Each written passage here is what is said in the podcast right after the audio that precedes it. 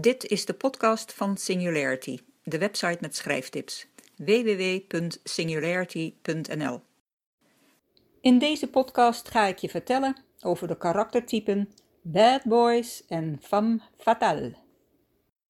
Bad Boys en Femme Fatale zijn geliefde archetypes voor personages in boeken en films. Never a dull moment met deze karaktertypen. De femme fatale en haar tegenhanger de bad boy, we kunnen ze ook foute vrouw en foute man noemen, geven een boek eindeloze mogelijkheden voor hoge toppen en diepe dalen, obsessies, rampzalige beslissingen, wanhopige daden, moord en doodslag en meer van zulke fijne dingen in een boek. Maar wat bedoelen we nu precies als we een man een bad boy noemen of een vrouw een femme fatale?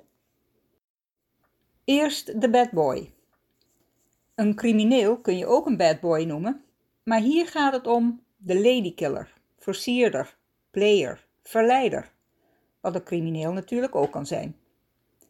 De bad boy is charismatisch, onvoorspelbaar, meestal stijlvol gekleed, geestig, zoet gevoiced en vol complimentjes.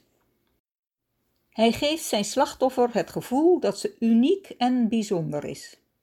Maar tijdens het fluisteren in haar oor dat ze de verrukkelijkste vrouw is die hij ooit ontmoet heeft, kijkt hij over haar schouder rond of er niet nog andere potentiële exen rondlopen.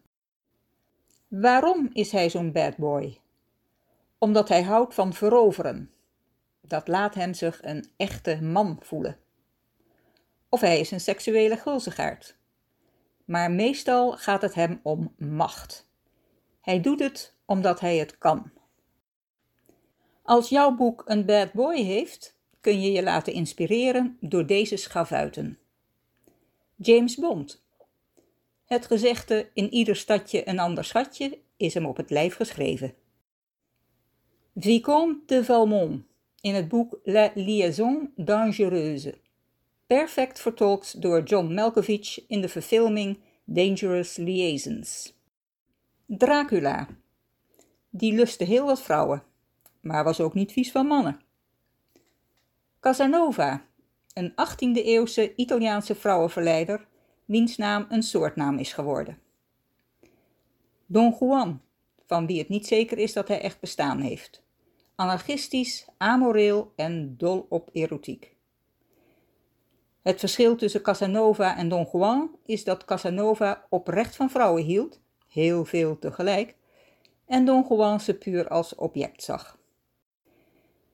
We schakelen over naar de femme fatale. Een van de dingen die bad boys en femme fatale gemeen hebben, is hun charisma. En net als de bad boy is de femme fatale niet per se mooi, maar zeker wel aantrekkelijk. De fatale vrouw is onafhankelijk, mysterieus, sensueel, manipulatief en levensgevaarlijk.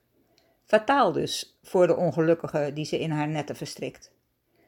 Haar prooi ziet haar als een godin. Ze hypnotiseert hem. Hij is als was in haar handen en ook al vermoedt hij wel dat ze gevaarlijk is, hij kan haar niet weerstaan. Ze is een lustobject, heks en vaak moordenaar tegelijk.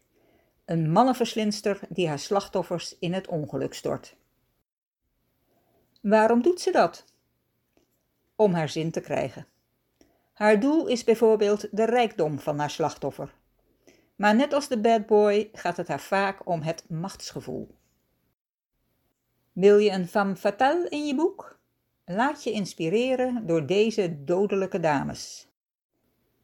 Lady Macbeth, een gewetenloos kreng dat niet alleen haar man, maar ook zichzelf in het verderf stort.